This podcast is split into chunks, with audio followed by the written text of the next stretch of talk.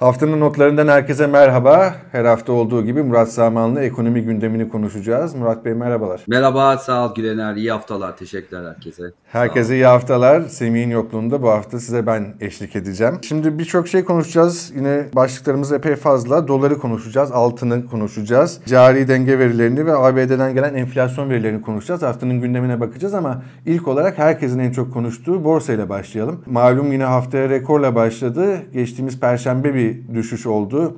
Herkes acaba bu yükselişin sonuna mı geldik diye düşündü ama Cuma tekrar e, rekor tazeledi. Haftaya da gerçekten çok hızlı başladı ve 7850'yi gördü BIST 100 endeksi. Neler oluyor borsada? Bu yükseliş nereye kadar sürecek diye sorayım. Teşekkürler Gülener. Senden de ilk yayınımız. Semih'e de selamlar buradan. Evet şimdi şöyle tabii çok veri olan bir e, biz genellikle biliyorsun işte e, haftalık verileri de konuşuyoruz. Bu hafta biraz nispeten sakin bir hafta veri anlamında. E, buradaki en tabii ki önemli gündem borsa. Evet do- doğru söylüyorsun. Perşembe e, büyük bir satış geldi ve acaba satış dönemine geçildim diye çok soru işareti geldi. Cuma özellikle öğleden sonra da çok yüksek bir hacimle 150 milyar TL üstünde geçen bir yüksek bir işlem hacmiyle Cuma'yı Perşembe günkü kaybın üstüne hatta kapattık. Şu anda bugün nominal anlamda e, yeni rekorlar kırıyoruz. Nominal diyorum çünkü e, döviz bazında asıl rekorlara çok uzağız. Yani endeksi dolara böldüğünüzde bizim asıl rekorlar 5.1 senttir. Şu anda geldiğimiz nokta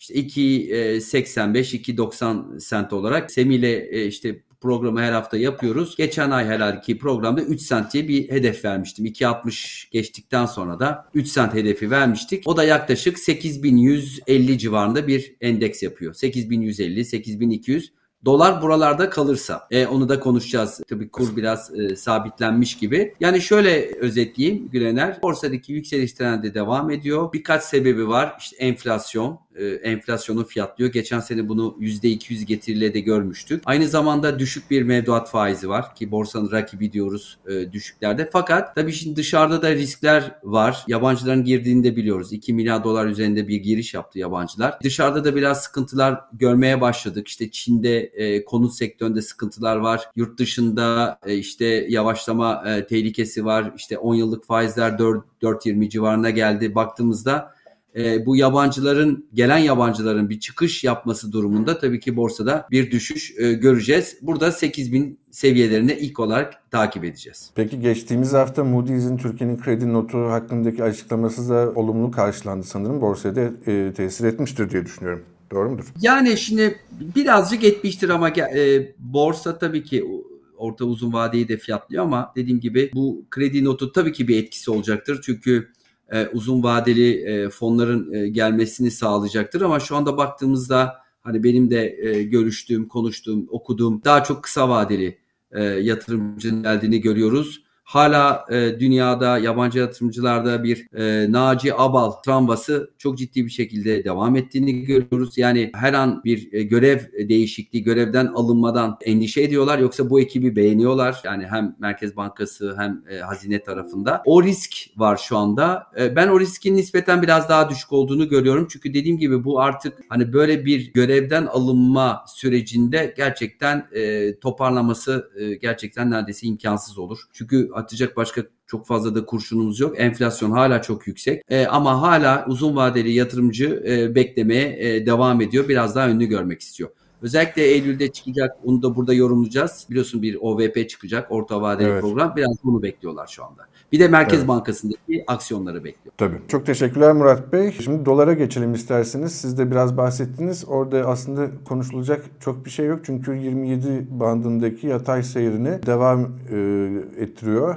O merdiven diye tabir edilen Evet. Bu grafikte 27 eşiği uzun zamandır korunuyor. Böyle devam edecek mi? 27 eşiğini ne zaman e, aşmasını bekliyorsunuz? Böyle sorayım. Şöyle söyleyeyim. E, iki tahminimde de doğru çıkacağını düşünüyorum ama zaten o tahmin herkes yapıyor şu anda ve doğru çıkacak. Biraz daha devam edecek ondan sonra yukarıya gidecek. Yani şu izleyenler o grafiği görüyorlardır. Bu çok uzun zamandır özellikle bu yeni yönetim sisteminde yani biliyorsun bunlar işte e, yaklaşık 3-4 yıl önce bu böyle dönemler başladı. Kuru daha çok tutma Merkez Bankası tarafında. Fakat tabii bunu e, biraz arka kapı yöntemlerine yaptığını biliyoruz. Şöyle merdiven sistemi e, devam ediyor. Bir süre daha böyle tutulacak ve bir yerden sonra tekrar yukarıya gideceğini düşünüyoruz. Ne zaman? Şimdi bu yerel seçim var. Sen o konuları çok daha yakından takip ediyorsun. Herhalde birkaç ay sonra senin e, siyasi programlarında muhtemelen devreye girer. Evet. Başlayacak diye düşünüyorum. Onları bekliyoruz zaten. Muhtemelen ya bu şekilde devam edebiliriz yerel seçime kadar. Belki de bir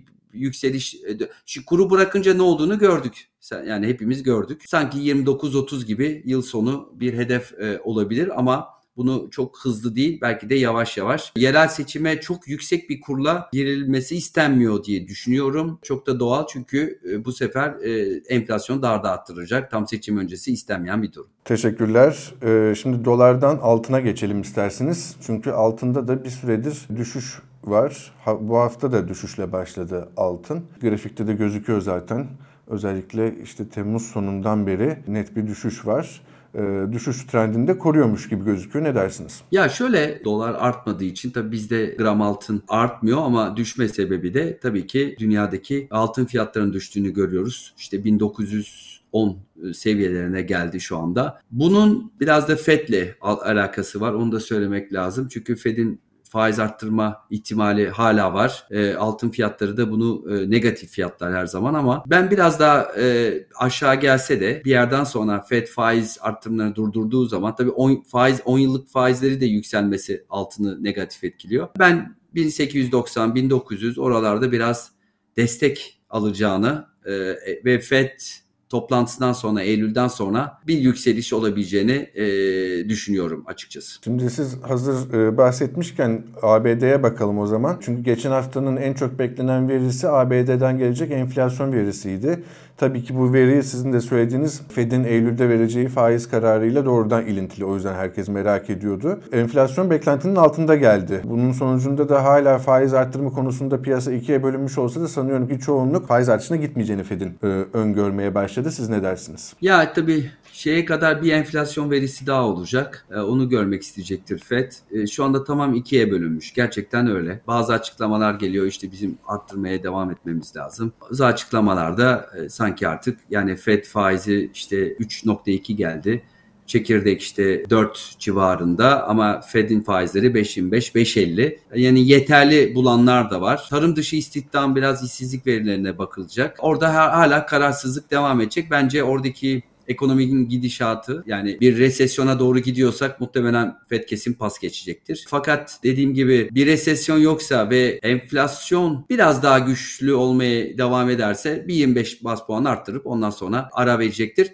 Yani 25 bas puan arttırıp en azından indirimi öteleyebilir. Yani bir yerden sonra biliyorsun faiz indirecek. Hani bunu gelecek sene birinci, ikinci çeyrek değil de belki de üçüncü, dördüncü çeyreği öteleyebilir e, piyasa buna dikkat edecektir. Ay sonunda 24 Ağustos'ta sanırım Jackson Hole toplantısı var. Zaten orada da Powell'ın yapacağı açıklamalar muhtemelen e, bu faiz politikasına dair daha net sinyaller Çok. verecektir. Aynı ee, günde bizim TPK var bu arada. Yani evet doğru. Evet.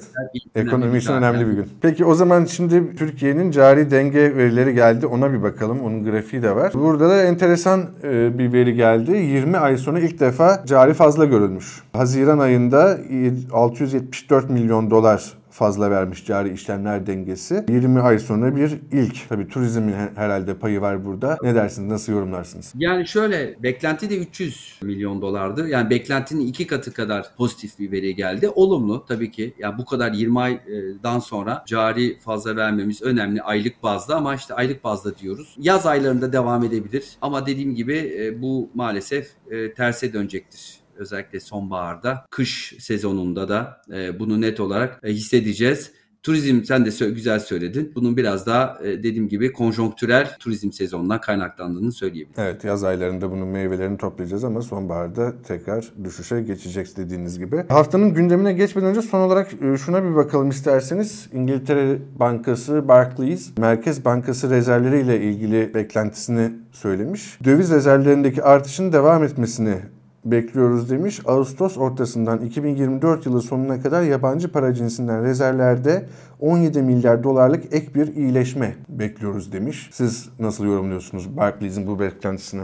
Ya şöyle tabii tabii ne kadar kur kura müdahale edilecek bunun çünkü sonuçta rezerv azalması olarak görüyoruz. Bunu ne kadar süreceğini açıkçası bilmiyoruz. Maalesef dediğim gibi hala tam bir enflasyonla mücadele olmadığı için söylemler var. Farklı aksiyonlar var ama Merkez Bankası'nın para politikası e, ve politika faiz tarafında e, net bir aksiyon görmek istiyor piyasalar. Şimdi biliyorsun enflasyon 22.3'ten 58'e revize edildi ve 24 Ağustos'ta o kritik tarihte aslında Merkez Bankası'nın oradaki davranışı merak edilecek. Yani 250 50 bas puanın altında bir faiz arttırımı e, moralleri çok bozacaktır ve kurdaki baskı artacaktır. Kurdaki baskı artınca da e, rezerv, e, o beklenen rezerv artışı da gelmeyebilir. Yani, yani Merkez Bankası'nın yani zaten çok daha yüksek bir faiz artışı yapmak lazım, yapması lazım ama bu yerel seçime giderken tabii orada bir siyasi e, karar var. E, siyasi e, otoritede bir ekonomi yavaşlama istenmiyor. Ama yeterince de faiz arttırmadığın zaman o zaman başka yerlerde işte döviz e, rezerv kaybına uğruyorsun. Başka önlemler getirmek zorunda kalıyorsun. Kur da artmaya devam ettikçe de maalesef enflasyon e, yaratmaya devam ediyorsun. E, onun için e, çok zor bir e, dönem özellikle yerel seçim öncesi. Sonrasını zaten konuşuruz. Orada daha da farklı dönem olacak gibi gözüküyor. Evet öyle gözüküyor gerçekten. Ama dediğiniz gibi artık 24 Ağustos'taki PPK çok kritik bir hal aldı. Herkes oraya kilitlenmiş durumda. Bir referans noktasına dönüşecek. Bakalım hep beraber göreceğiz zaten bu ekranlarda. E, o hafta boyunca yorumlayacağız bunu herhalde. Böyle, ee, böyle ekleyeyim. İlk toplantı şöyle. Başkanın ilk toplantısıydı. Yani bir herkes bir gö- görmek istiyordu. İkincisi tabii daha enflasyonla ilgili düşünceler açıklanmamıştı. Bir enflasyon raporu açıklanmamıştı. Bu artık üçüncüsü Hani enflasyonla ilgili beklentiler, bütün her şey belli. Artık e, söylemler de tam netleşti. Onun için çok kritik olacak onu da söyleyeyim. Evet, evet, evet. O zaman son olarak sizin de her hafta bu programda yaptığınız gibi haftanın gündemine bir bakalım. Bu hafta neler bekleniyor, hangi veriler açıklanacak? Tablomuz karşımızda Murat Bey. Buyurun. Yani bu haftanın şey olarak baktığımızda ya önemli tabii Fed'in e, tutanakları önemli. E, dediğim gibi Eylül'deki toplantı için bir ışık verebilir. Yani önemli tabii piyasa katılımcıların anketi e, o önemli olacak. Piyasa e, beklentisi özellikle kur ve enflasyon tarafında. Bir de tabii ki e, çok da aslında belki de geçen hafta kadar önemli bir veri Euro bölgesi enflasyon verisi. E, e, Euro bölgesindeki enflasyon e, Amerika'daki kadar e, aşağı gelmedi. Çok yavaş düşüyor. Orada da faiz arttırımları e, devam edecek e, gibi gözüküyor. Onun için e, Cuma günkü Euro enflasyon verisi de önemli oldu. Evet çok teşekkürler. Bu tabloya eklemedik ama hatırlatalım. Yarın bir de Çin'in büyüme verileri açıklanacak. O da küresel piyasaların yakından takip ettiği bir veri. Önümüzdeki hafta o verileri de konuşma fırsatımız olur sanırım. Murat Sarman çok teşekkürler değerli yorumlarınız için. Çok teşekkür ederim. Tekrar herkese iyi haftalar. Haftaya görüşmek üzere. Sağ olun. Sizinle program yapmak bir zevkti benim için. Umarım tekrar e, denk geliriz. Çok sağ olun. Herkese iyi haftalar diliyoruz.